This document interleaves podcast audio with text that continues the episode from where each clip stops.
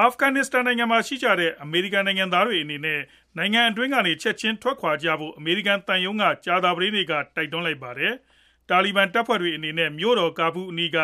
မဟာဗျူဟာမြောက် မြို့ကြီးတမြို့ကို သိမ်းပိုက်ခဲ့ပြီးနောက် အခုလို တိုက်တွန်းလိုက်တာပါ။သံရုံးဝန်ထမ်းတွေ ထွက်ခွာနိုင်အောင် အကူအညီပေးဖို့ တပ်တွေ စေလွှတ်ထားတယ်လို့လည်း အမေရိကန် နိုင်ငံခြားရေးဝန်ကြီးဌာနပြောခွင့်ရ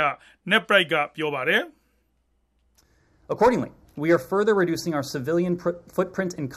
" လုံခြုံရေးအခြေအနေအရကာဘူးလ်မြို့တော်မှာအရပ်သားအရေအတွက်လျှော့ချထားတာဖြစ်ပါတယ်။မကြာခင်သီတင်းပတ်တွေအတွင်းသံရုံးမှာလည်းအဓိကလိုအပ်တဲ့ဝန်ထမ်းလောက်ပဲထားရှိဖို့စီစဉ်ထားပါတယ်။"လို့နိုင်ငံခြားရေးဝန်ကြီးဌာနပြောရေးဆိုခွင့်ရှိသူ Ned Price ကကြာသပတေးနေ့ဝါရှင်တန်ဒီစီသတင်းစာရှင်းလင်းပွဲမှာပြောဆိုသွားတာပါ။ငွေရေးကြေးရေးအခက်အခဲနဲ့တခြားအကြောင်းတွေကြောင့်အာဖဂန်နစ္စတန်နိုင်ငံအတွင်းကထွက်ခွာဖို့အခက်အခဲရှိတဲ့အမေရိကန်နိုင်ငံသားတွေကိုလည်းအကူအညီပေးဖို့အမေရိကန်သံရုံးကကမ်းလှမ်းထားပါတယ်။ တချိန်တည်းမှာပဲ